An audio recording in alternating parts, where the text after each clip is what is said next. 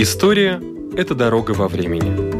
Она уходит в седую древность, выводит в современный мир. Она показывает, рассказывает, объясняет. И не перестает удивлять. Живая история.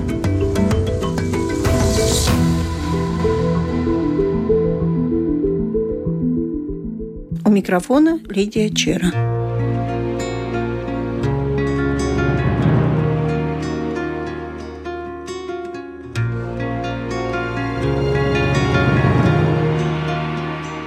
Международная конференция объединения мемориальных музеев «Одна личность, музеев много», «Ko vadis», «Viena personība, vairāki музей», «Куда идем», состоялась в Юрмальской даче музея Райниса и Аспазии.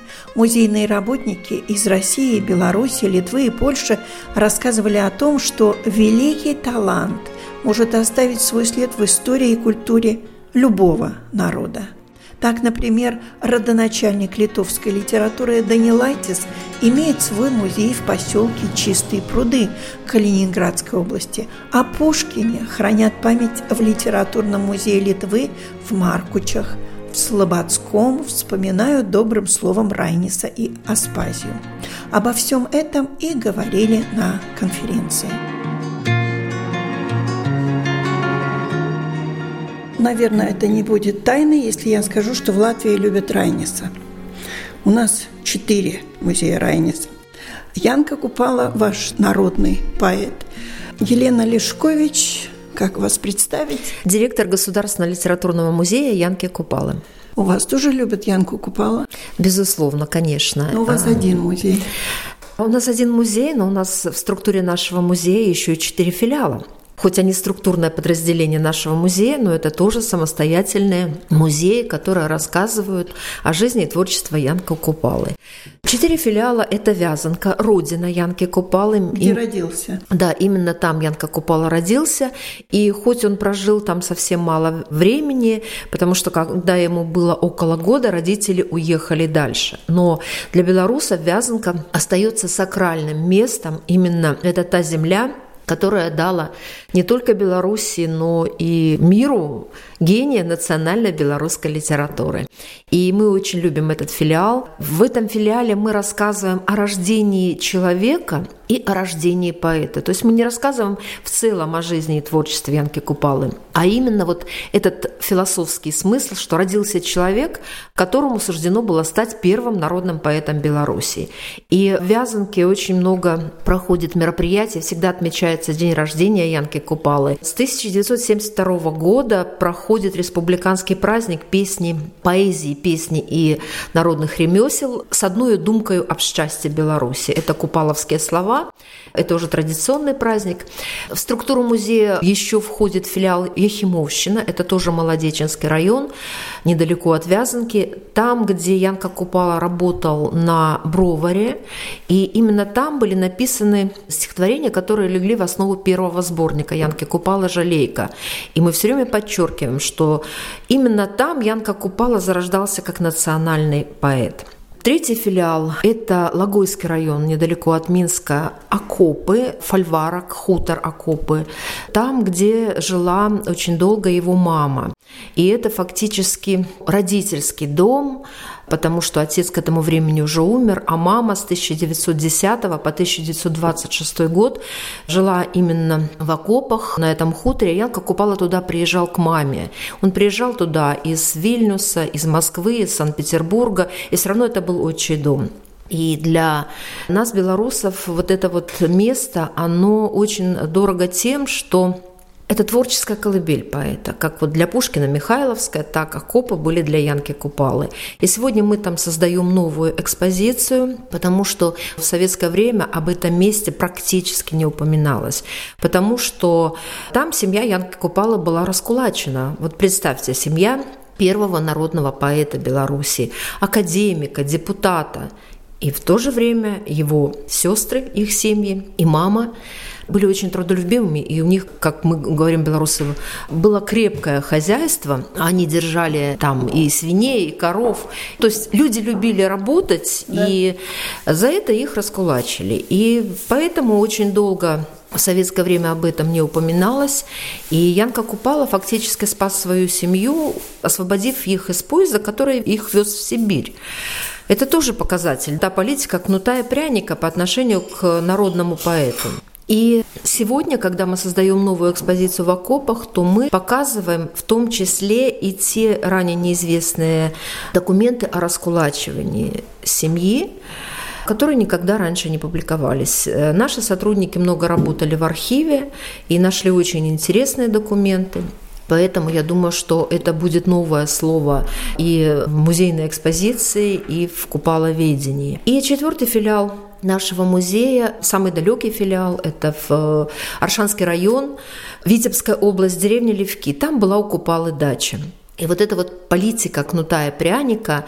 В 1935 году Янке Купали, когда отмечали юбилей 30-летия его творческой деятельности, советское правительство подарило ему деньги и разрешила выбрать место, где можно построить дачу. И Янка Купала выбрал Левки, потому что он там несколько раз бывал, ему это место очень понравилось. Высокий берег Днепра, и по проекту самого поэта там была построена дача. И эта дача стала последним местом Янки Купалы в Беларуси, откуда он уехал в Москву в эвакуацию и фактически это последний пункт остановки Янки Купалы в Беларуси. Дача сгорела в первые дни войны, но в 1978 году наши коллеги, которые до нас работали в музее, они восстановили эту дачу по проекту племянника Янки Купалы, Янки Романовского, который жил у дяди на этой даче. Он все помнил, а он сам был художник, и поэтому вот э, его художественная память позволила это все воспроизвести. И сегодня там филиал нашего музея. Елена, а наши Яны, Райнис и Купала встречались? Да, так суждено было, что они встретились. Они встретились в 1926 году в Минске, когда Ян Райнис принимал участие в академической конференции по белорусскому правописанию. И они не только встречались, Ян Райнис был у нашего Янки Купала в гостях, и они подружились. Янка Купала, так же, как и многие другие белорусские писатели, подарил свои произведения с автографом Яну Райнису. И мне очень приятно, что сегодня эти книги находятся в фондах здесь, в Риге, в фондах музея Райниса и Аспазии. Надо сказать, что Ян Райнис всегда поддерживал белорусскую диаспору здесь, в Риге, и он всегда представлял интересы белорусов в Сейме. И та же «Павлинка», самая известная пьеса Янки Купалы, шла в Национальном драматическом театре Латвии, а директор тогда был Ян Райнис. И причем надо отметить, что эта постановка была осуществлена самодеятельными белорусскими артистами из Двинска. Конечно, для нас очень важно, что наши поэты, скажем, дружили, да. встречались, знали друг друга. И поэтому мы с объединением мемориальных музеев Латвии, у нас договор о сотрудничестве, и мы поддерживаем очень теплые творческие отношения. Было много проектов, но последний проект, который назывался «Двояна», и две встречи были. Одна в Риге, и одна в Минске. Хотя я как упала в гостях у Райниса не был. Но мы выставочный проект назвали «Встреча в Риге, которая не состоялась». То есть она могла бы состояться, но по каким-то объективным или субъективным причинам не доехал Ян Купала до Яна Райниса. Райнис вел здоровый образ жизни и собирался прожить 120 лет. К сожалению, 64 года ему было отведено в этом мире, как у Купалы. Здоровый образ жизни, наверное, такой здоровый, как Райнис, Купала не вел. Ничто человеческое ему не было чуждо. Купала прожил еще меньше. Он прожил неполных 60 лет, потому что трагически погиб 28 июня за 10 дней до своего 60-летия. Это был трагический случай. Мы до сих пор не знаем, что произошло, поэтому, когда в экспозиции мы рассказываем о смерти Янки Купала, мы приводим несколько версий гибели. Это несчастный случай, это самоубийство и это политическое убийство. И предлагаем нашему посетителю самому решить, поскольку нет ни одного официального документа, что все-таки случилось. Единственный документ – это спецсообщение на имя Сталина, Молотова и Берии о том, что трагически погиб народный поэт Беларуси Янка Купала и что дознание ведет военная прокуратура города Москвы. Но никаких документов, как нас уверяют в архивах Российской Федерации, нет. И хочу подчеркнуть, что вот этот вот документ, он поступил в музей только в 1998 году, потому что раньше он был засекречен. И мы очень надеемся, что все-таки когда-нибудь, может, не мы, а наши дети или наши внуки, будет раскрыта тайна смерти Янки Купалы, хотя мы больше склоняемся к тому, что это было политическое убийство. Сегодня в нашей экспозиции представлены интерьеры гостиницы «Москва», потому что она была разрушена. он погиб, да? да, он погиб в гостинице «Москва». Гостиницу «Москва» в начале 2000-х разрушали и строили новую. И вот наши сотрудники тогда поехали, и именно из этого номера, в котором жил Янка Купала последний раз, 414, они забрали дверь, окно, они забрали перила, через которое упал Янка Купала. И когда смотришь на эти перила, то понимаешь, что споткнуться и упасть довольно проблематично, они высокие. Кроме того, остался один ботинок на площадке. Но если человек споткнулся и перевалился через перила, он упадет в обуви. А если он таким образом совершил самоубийство, то он тоже навряд ли будет снимать один ботинок. Все-таки это показывает на то, что была какая-то борьба.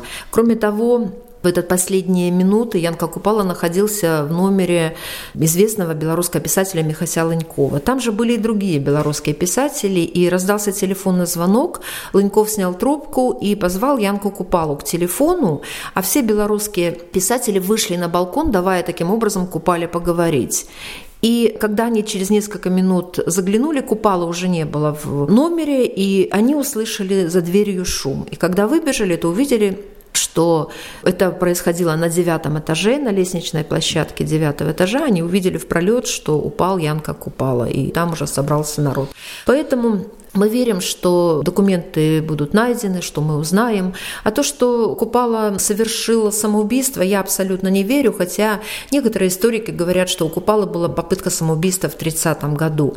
Но надо просто понимать и сравнивать исторический контекст. То, что было в 30-е годы, а в 40 1942 году, ну, вообще с началом войны, э, Янка Купала очень переживал за страну, и это абсолютно правда, это в его воспоминаниях, это в его публицистических произведениях, и он очень ждал, когда будет освобождена Беларусь. И вот живя в Печищев, это Татарстан, Янка Купала над кроватью у него висела карта. И вот эти вот сводки с фронта он отмечал, как близко фронт уже подошел к Беларуси. И тем же белорусским писателям он говорил, что скоро вернемся домой, будем отстраивать нашу родину. И как бы я хотел в этот момент быть молодым человеком и быть строителем, чтобы быть полезным своей стране, чтобы участвовать в процессе восстановления страны. И поэтому сказать, что вот именно в этот момент он совершил самоубийство, ну, я лично в это не верю. Кроме того, это 10 дней до юбилея. Встречаясь со своими друзьями и русскими, и советскими из других республик, и белорусскими писателями, поэтами, Купала всех приглашал, говорил, скоро мой юбилей, ребята, готовьтесь, я вас приглашаю. Но вот, к сожалению, случилось так, что до юбилея он не дожил. Он был неугоден Сталину, потому что он был чересчур популярен. Скорее всего, да. Всю вот эту вот жизнь, все 20-30-е годы, эта политика кнута и пряника по отношению к поэту, она существовала. Потому что Янка Купала был очень популярен у народа. И это было действительно так. Мы сегодня читаем, что в Беларуси у простых людей в доме висели портреты Янки Купалы. Да, их никто не заставлял их вешать. Это действительно была фигура номер один белорусского возрождения начала 20-х годов. Это человек, который создал концепцию современной независимости Беларуси. Он всегда выступал за наш национальный язык, за наше национальное государство. И когда свершилась Великая Октябрьская революция, вначале он это воспринял и поддержал, потому что он думал, что Беларусь может стать самостоятельная. И это видно по его творчеству. В 1918 году, когда была провозглашена Белорусская Народная Республика, это просто вот пик его гражданской лирики, пик его публицистики. А потом, когда он увидел, что все получается не совсем так, как они мечтали, и Янка Купала замолчал – он вообще не писал. Либо писал стихи, которые сам же называл дрендушками – то есть это очень четкая характеристика, потому что он понимал цену своим стихам, но в то же время не писать он их не мог. И когда сегодня даже у нас в белорусском обществе и среди интеллигенции проявляются такие настроения, появляются такие разговоры о том, что ведь писал он оды Сталину, а мог бы не писать, то я всегда говорю таким людям, хотелось бы посмотреть на вас в той ситуации. У человека большая семья. И мама, три сестры, их дети. И он реально понимал, что если что-то случится с ним, то погибнет вся семья.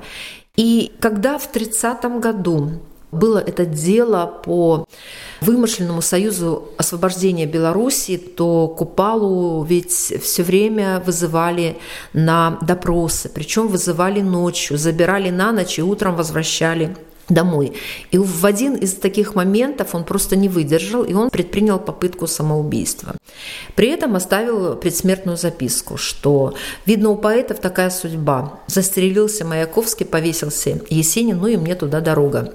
И лучше смерть физическая, чем незаслуженная смерть политическая. И, к счастью, Купалу тогда спасли, потому что нашла жена. Сосед был доктор, хирург, который оказал ему первую помощь. Но после этого самоубийства Купала был сломан. И он практически ничего не писал. Опубликовали письмо, покаянное письмо Янки Купалы в газете «Звезда» и заставили его это письмо подписать. И в то же время в 1935 году Янка Купала получает орден Ленина. Перед этим в 28 году его книгу уже из типографии изъяли и рассыпали, и в то же время он получает сталинскую премию, он получает орден Ленина. То есть это вот такая политика сначала возвысить, а потом показать все-таки, что ты зависишь от нас, да. И это действительно было страшно. А то, что касается авторитета Янки Купалы, вот э, я очень люблю читать воспоминания поэтов, причем не изданное, потому что понимаем, что и цензура была в советское время, и все, а оригиналы, которые хранятся у нас в фондах. И, конечно, понимаешь, что вот тот высокий авторитет, какой был у Янки Купалы, фактически его ни у кого не было.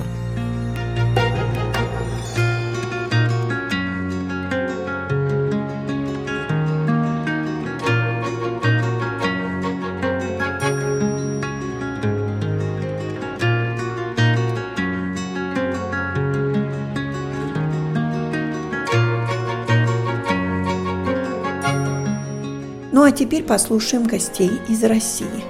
Я, например, сегодня впервые узнала о том, что в Латвии 70 мемориальных музеев, 25 только посвящены писателям, а в основном это и керамики, и артисты, и поэты. Это Интересно, что один музей одной личности, одной персоне. Как обстоит дело в Калининграде? Я знаю, что у вас родоначальник литовской поэзии, имеет свой музей мемориальный, Ольга Щеглова. Заместитель директора по научной работе Калининградского областного историко-художественного музея. Да, действительно, в Калининграде есть литературный музей. Это единственный э, в регионе литературный музей, филиал Калининградского областного историко-художественного музея. И это мемориальный комплекс классика литовской литературы Кристианаса Данилайтиса. Так исторически случилось, что на территории России есть святое место для Литвы, поскольку родоначальник литовской литературы родился на этой территории, в деревне Ладзинеляй, это сейчас Гусевский район Калининградской области. Он закончил Кёнигсбергский университет и служил пастором в селении Тельпминин. Сейчас это чистые пруды Калининградской области. И здесь находится музей, где стоит два прекрасных здания, здание на холме Кирха лютеранская, где служил пастор, в своей пастве читал проповеди, которые потом сложились в стихотворные рифмы. И так случилось, что истории не забыты и не пропали, поскольку они при жизни Данилатиса не были изданы, он не мнил себя поэтом, он просто читал в стихотворном виде проповеди своей пастве. И спустя уже несколько десятилетий, почти 40 лет после его смерти, а похоронен был он тоже в этом же месте, и сейчас его захоронение находится в этой кирхе, Спустя несколько десятилетий его произведения стали известны всему миру и сейчас находятся в списке мирового наследия ЮНЕСКО как шедевры европейской литературы. И заботу о литовском наследии и о памятнике мирового культурного значения сейчас ведет Калининградский областной историко-художественный музей. Его стихи написаны на литовском языке? Знаете, он проповеди читал на немецком и литовском. Это 18 век, да. это время после того, как чума выкосила очень большое количество местного населения, и на эту территорию прибыло такое значительное количество переселенцев из Альцбурга, из других мест Западной Европы. И крестьян литовских, собственно, было там меньше половины населения, и проповеди читались на немецком и на литовском языке. Поэтому и записаны они были так и так. Знаю, что очень много людей, которые интересуются творчеством какого-то поэта и писателя, все время ищут какие-то новые источники, новые сохранившиеся стихи или произведения прозы. У Данилайтиса можно что-то найти еще, кроме того, что у вас есть? И какова эта коллекция? Сами тексты, которые из-под его пера вышли, они не обнаружатся, кроме его бессмертного произведения поэмы «Времена года». У него есть еще некоторое количество басен, и тексты его известны, большинство хранятся в архивах Литвы. Главным образом это библиотека университета, Академии наук Литвы, если говорить о его текстах. Но можно сейчас все-таки, несмотря на то, что это 18 век, кое-что новое приоткрыть и узнать в документах и в переписке. И мы эту работу сделали. Идея нас такая вдохновила и посетила накануне юбилея 300-летия со дня рождения, это был 2014 год, мы обратились в тайный русский архив в Берлине русского культурного наследия. Там хранится переписка Данилайтиса с королем. И вот эту переписку мы запросили, она была переведена, впервые была переведена в 2014 году на русский язык.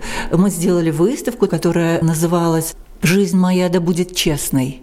Это строка из одного из его произведений.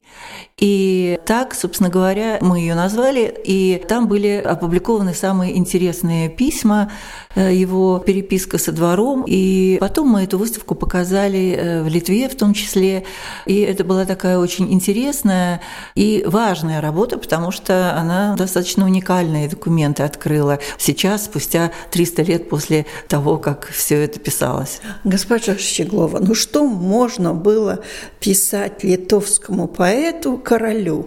Это была такая переписка. Вот нам сейчас кажется, кто из нас, из простых да. смертных, пишет президентом хотя бы. Да, да это какие-то личности эксклюзивные, так скажем. А там была такая очень жизненная переписка. Например, это было на склоне лет уже, когда он начинал болеть, он пишет о том, что он уже не в тех силах, чтобы продолжать свое служение, и просит подобрать ему достойную замену.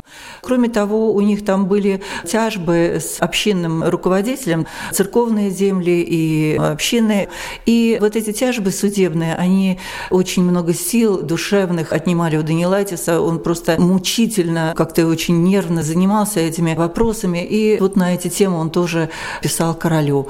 И, знаете, очень интересные такие вот моменты. Мы даже прослеживаем время ответа королевского и так далее, вот этой переписки. И мы видим, что это очень короткие сроки. Мне кажется, почта сегодня так быстро не действует. Да, да, да, да, несмотря на то, что и расстояние, казалось бы, экипажи, лошади, кареты, это было совершенно другое время, но было все оперативно с точки зрения вот сегодняшнего mm-hmm. взгляда на ту историю. Данилайтис был семейным человеком? У него была жена, не было детей, и он думал, как же после его смерти придется вдове, потому что он видел на примере других своих коллег, пасторов, что не всегда это как-то достойно было, и поэтому еще при жизни он заложил дом пасторских вдов на территории, и фундаменты этого дома сохранились. Сейчас мы пишем различные проекты, желаем тоже это строение восстановить. Вообще на территории нашего комплекса, кроме кирхи, есть еще и пасторский дом.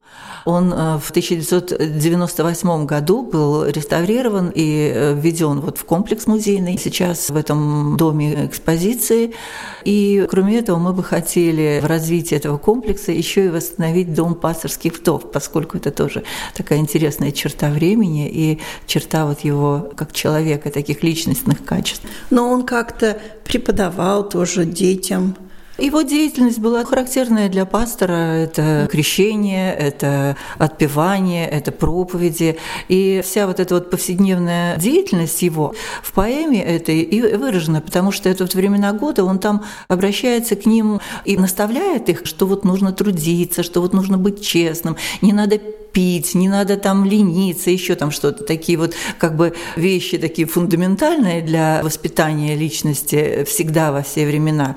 И вместе с тем он дает картину такой литовского крестьянского мира XVIII века. Это тоже вот очень ценно. Пишет он в гомеровском таком стиле, это гекзаметр, достаточно такое интересное произведение. Но, кроме всего прочего, он, как многие личности, сейчас известные XVIII XVIII века, он был энциклопедически таким разносторонне увлеченным, увлекающимся человеком, потому что он музицировал, он делал своими руками, мастерил клавесины, он делал барометры, какие-то другие интересные устройства. В общем, человеком был всесторонне одаренным один просвещенный человек как много может сделать, да? Да, да, да. И вы знаете, что все время думаешь о том, что есть личности, которые э, вот даже не думают, наверное, о том, что они останутся в памяти народной на века. Я думаю, он не думал об этом. Он думал о повседневных своих каких-то обязанностях и служил честно и открыто. И так сложилось, что его деятельность вошла в историю и вошла на века. А сейчас немножко о вашем историко-художественном музее. Чем богаты? Историко-художественный музей, он ровесник области, он в 1946 году был создан, и создан он как краеведческий был. И поэтому его основа такая – это природа, история, культура края. И в связи с этим у нас есть разделы, посвященные всем вот этим направлениям. Кроме этого, у нас очень сильная археология, поскольку мы, опять же, не так давно нашли треть коллекции бывшего музея Пруссия на территории. Вот считалось, что она утеряна, когда э, в годы войны вывозилась, часть ее достигла Германии, часть осталась на территории Польши, и какая-то часть считалась утерянной. Сейчас она в большом объеме обнаружена нашими археологами, Где? найдена в одном из фортов. Это третий форт и мы ее с Берлинским музеем ранней истории вместе с таким общим проектом германо-польско-российским мы ее воссоединили в виртуальном пространстве. Эту коллекцию мы ее оцифровали, описали и да. сделали единый каталог. Это тоже был интересный проект, который вот завершился год назад. Янтарную комнату больше не ищете? Янтарная комната – это, конечно, легенда, очень интересная легенда. Очень много писем поступает, люди пишут, э, что кто-то там что-то помнил, какие-то легенды бесконечные проверяются. Ну, поживем, увидим. Пока это красивая легенда.